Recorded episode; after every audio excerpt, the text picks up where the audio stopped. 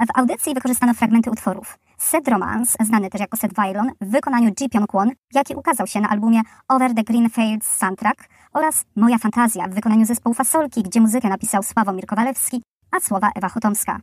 Udostępnienie odbyło się na mocy prawa cytatu, o którym mowa w artykule 29 ustawy o prawie autorskim. Wiedziałam. Wiedziałam, że prędzej czy później nastanie ten dzień. Właśnie taki jak ten dziś. Wiedziałam. Ale stało się cóż. W tym tygodniu nie nagrałam dla Was podcastu. Ale podcast będzie. Zatem o co chodzi? O wirusa.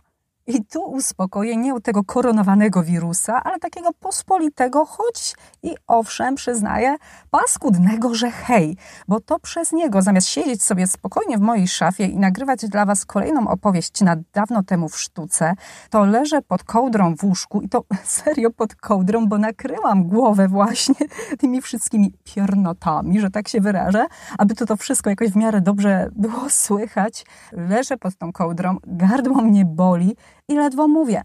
I kiedy zdałam sobie sprawę, że tak właściwie to nie ma szansy na to, żebym nagrała dla Was cały odcinek, to stwierdziłam, że trzeba coś wykombinować. I wzięłam telefon i skontaktowałam się z moją koleżanką Martą Paluch. I Marta to jest dziennikarka. Marta to jest w ogóle dziewczyna, która prowadzi własny kanał. On się nazywa po prostu Marta Czyta. I jak łatwo się domyślić, ona na tym kanale po prostu poleca nam fajne książki, nowości, ale nie tylko nowości. Rozmawia z różnymi ciekawymi ludźmi. Wiem, że tam na przykład z takim chłopakiem o Wiedźminie rozmawiała, rozmawiała też z kimś na temat filmów i takich adaptacji filmowych książek, a sama miałam okazję dwukrotnie u Marty gościć i właśnie być takim ekspertem od malarstwa. Dlatego też postanowiłam skontaktować się z Martą i zapytałam się jej zwyczajnie: Słuchaj, dziewczyno, jestem chora, czy ty mi pomożesz i czy mogę wykorzystać audio z naszego filmu, z naszej rozmowy, którą umieściłaś na Marta Czyta i puścić ją moim słuchaczom na dawno temu w sztuce. I zapewne już wiecie, co Marta mi odpowiedziała, bo Marta oczywiście się zgodziła, za co bardzo jej dziękuję. I właśnie dzięki temu będziecie mogli dzisiaj posłuchać naszej rozmowy. I tu myślę, Was zaskoczę, bo będzie o dzieciach, a konkretnie o tym, jak wprowadzać najmłodszych do świata wielkiego malarstwa.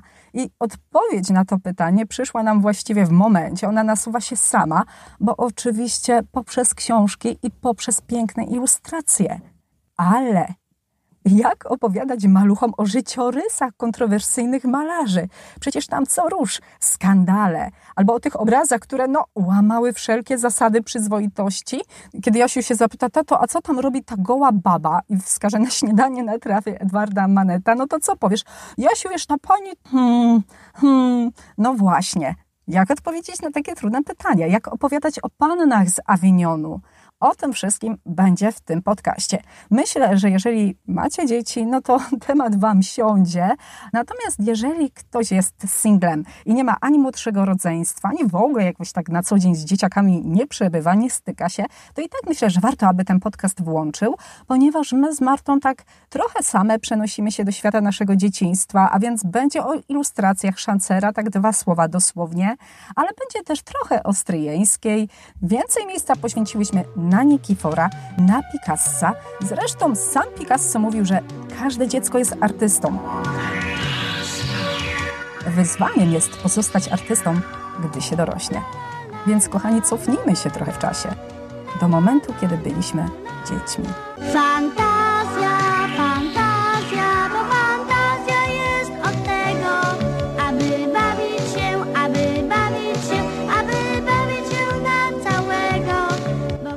Czy Stryjeńska i Picasso są dla dzieci? Zapraszają Agnieszka Kijas i Marta Paluch.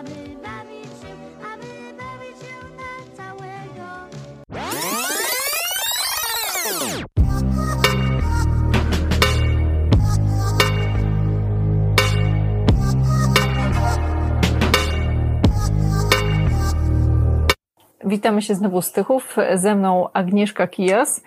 A jak Agnieszka jest ze mną, to znaczy, że będziemy rozmawiać o sztuce i nic a nic się nie pomyliliście, bo postanowiłyśmy zrobić trochę krok wstecz.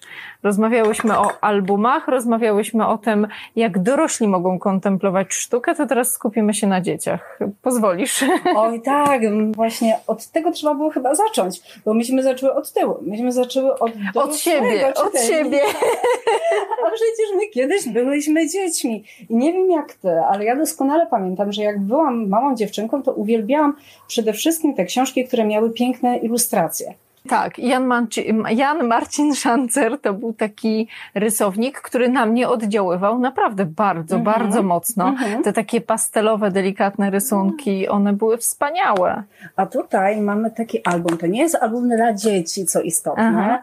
Ale jest to album, który zawiera reprodukcję Zofii Stryjeńskiej, naszej polskiej malarki, zresztą bardzo kontrowersyjnej, więc jej historia może niekoniecznie nadaje się do opowiadania dzieciom.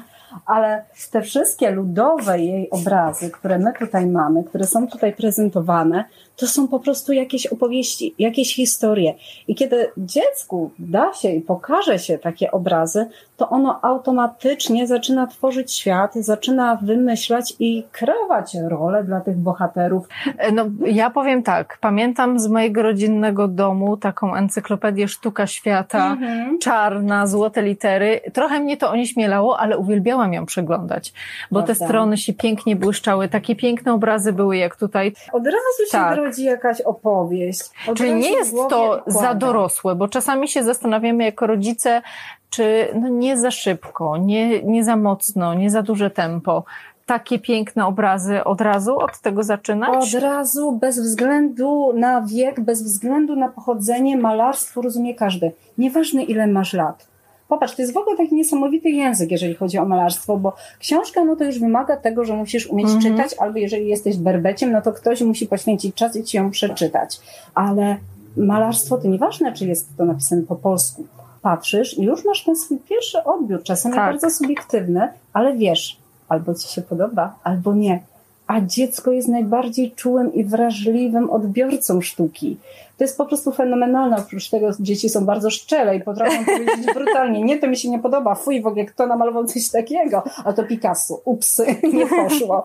Ale jednak mimo wszystko ten świat dziecka warto wzbogacać o wielką sztukę, bo to później za, zaprocentuje, bo sztuki nie można przedawkować. Ale od sztuki uzależnić się, no to chyba każdy by mógł i każdy by chciał, bo, I my byśmy też tego chciały, żeby tak uzależniać i tak. bo to nie ma skutków ubocznych. No są skutki uboczne, się człowiek później bardziej wrażliwy i wie, co go otacza.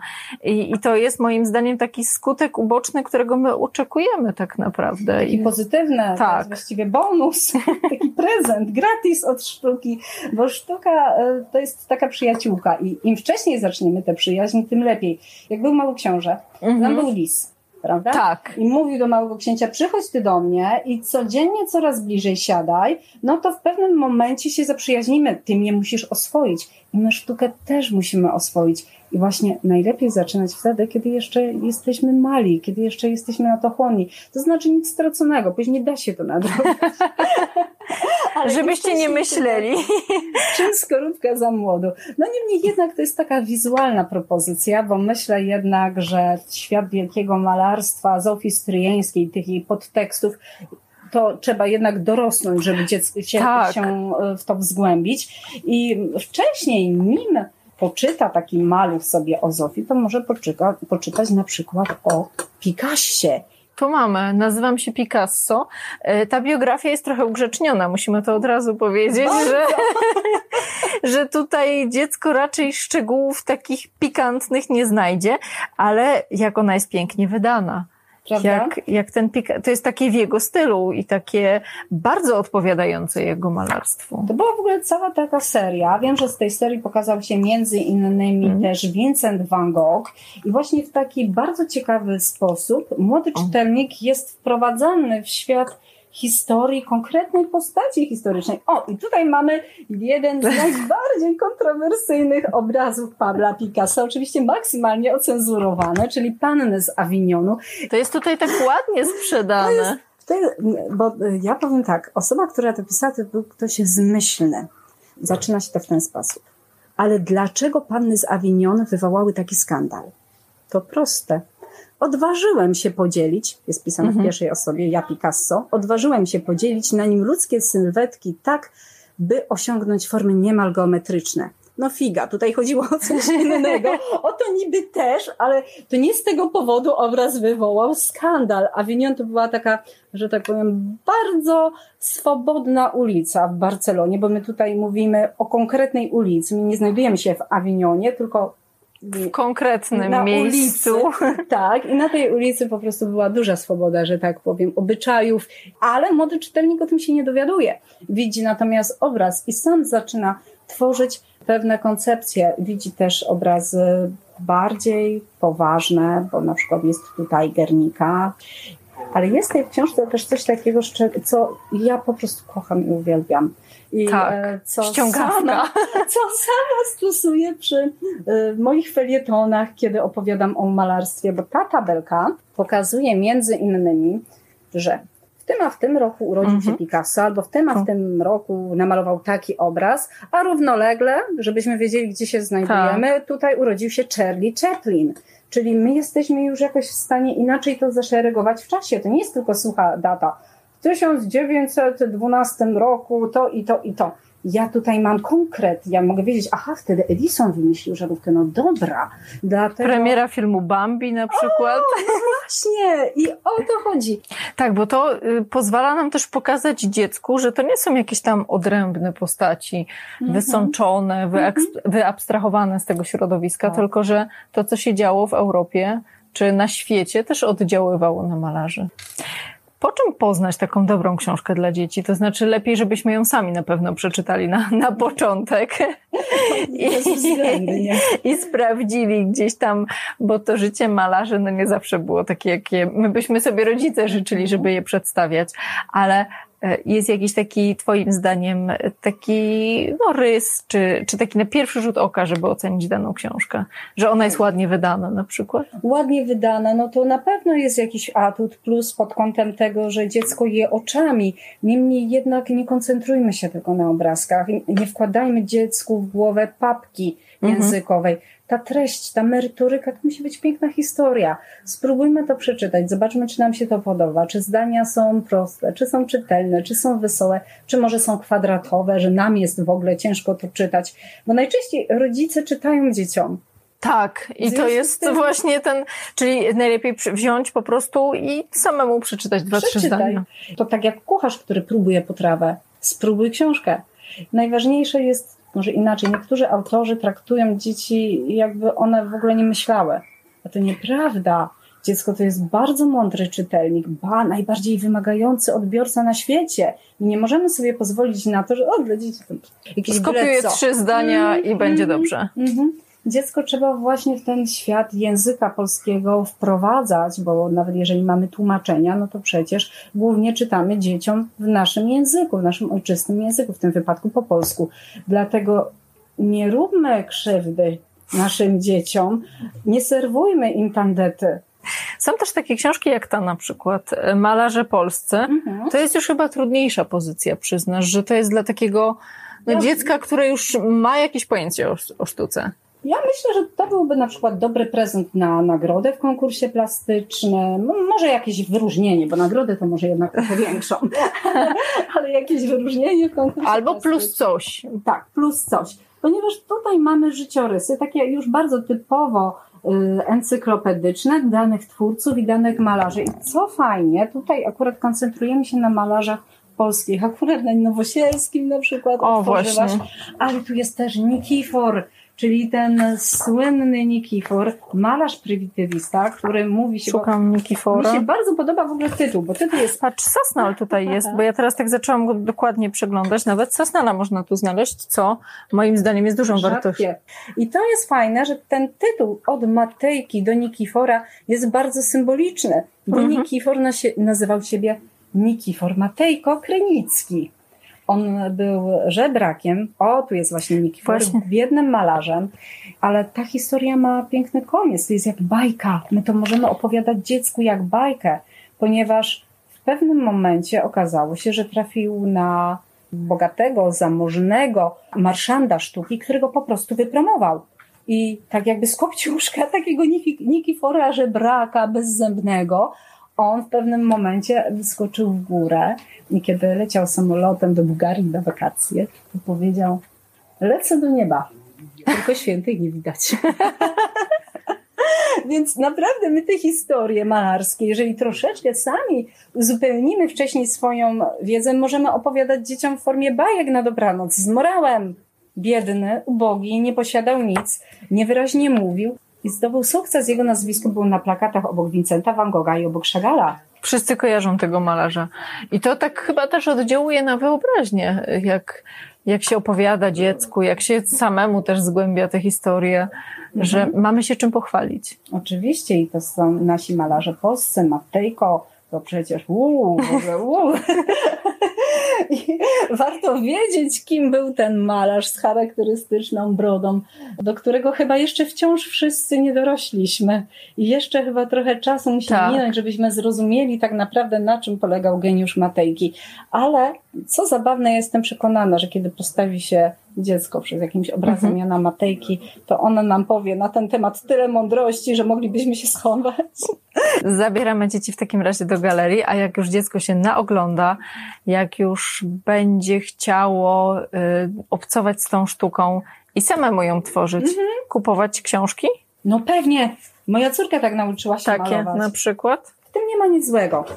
No właśnie, no bo wiesz, rodzice sobie mogą pomyśleć, urocze potrawy, no czy naprawdę chcesz, żeby moje dziecko coś takiego rysowało? W tym naprawdę nie ma nic złego w takiej akademii rysowania i w takich, no akurat my tutaj, ta, ta książka, Mhm. którą trzymasz, czyli kawaii, to my jesteśmy w tym takiej klimacie japońskiej mangi, anime, ale mówię wprost, moja córka, która aktualnie, i tu się pochwalę, zdobywa nagrody na konkursach jako szesnastolatka i otrzymuje różne wyróżnienia, ona zaczynała i uczyła się sama rysować z takich książek.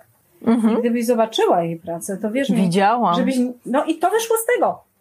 Nie, nie podejrzewałabym w życiu, dlatego y, nawet jeżeli wygląda tak niepozornie, bo umówmy się, wygląda to niepozornie, Tak, wręcz tak, może niekoniecznie, prawda? ale warto też po coś takiego sięgnąć. Dlatego e, nie brońmy dzieciom przede wszystkim O, o, sztuki. O, o, o, o. Właśnie chyba to jest najistotniejsze. Zresztą dobrze jest uzupełniać tę malarską wiedzę właśnie malowaniem, bo kiedy Mhm. poczytamy sobie o Pablo Picassie i o tym, o co tu chodziło w tej w ogóle jego kubistycznej wersji sztuki, no to potem powiedzmy dzieciakowi, że bierzemy kartki, bierzemy farby i malujemy. Y, Jeden mój znajomy to wziął swoją córę do lasu pomiędzy dwoma drzewami, rozwiesił folię, wzięli farby i chlapali na te folie i wyszedł im taki przepiękny, przezroczysty obraz albo zabawny. Super zabawa. No świetna! I jesteśmy na powietrzu, oddychamy świeżym powietrzem, jesteśmy w lesie, jesteśmy razem, jesteśmy z rodziną, a przy tym robimy coś kreatywnego, coś twórczego. Tej drogi Wam życzymy. Dziękujemy, że zobaczyliście ten film do końca, że byliście z nami. Subskrybujcie mój kanał, słuchajcie podcastu Agnieszki. Zapraszam serdecznie. Ja może tylko jeszcze dodam na koniec, Tak. gdzie my się znajdujemy. My się znajdujemy Właśnie. w najstarszej księgarni w Tychach, bo ostatnio byłyśmy w najstarszej galerii. Tak. A teraz jesteśmy w najstarszej księgarni, Bukszpan Biały Ptak. I tutaj tak na dobrą sprawę można kupić chyba wszystkie książki, nie tylko dla dzieci, ale też dla dorosłych. A ja tutaj bardzo często zaopatruję się w moje malarskie albumy, więc jak ktoś mnie chce spotkać, to śmiało zapraszam na bacza, bo bardzo często bywam albo w galerii, albo w księgarni. A jak nie, to w internecie Także. podcasty Agnieszki o sztuce. Dawno można. temu w sztuce. Zapraszam serdecznie. Dzięki za rozmowę. Do zobaczenia. Dziękuję również.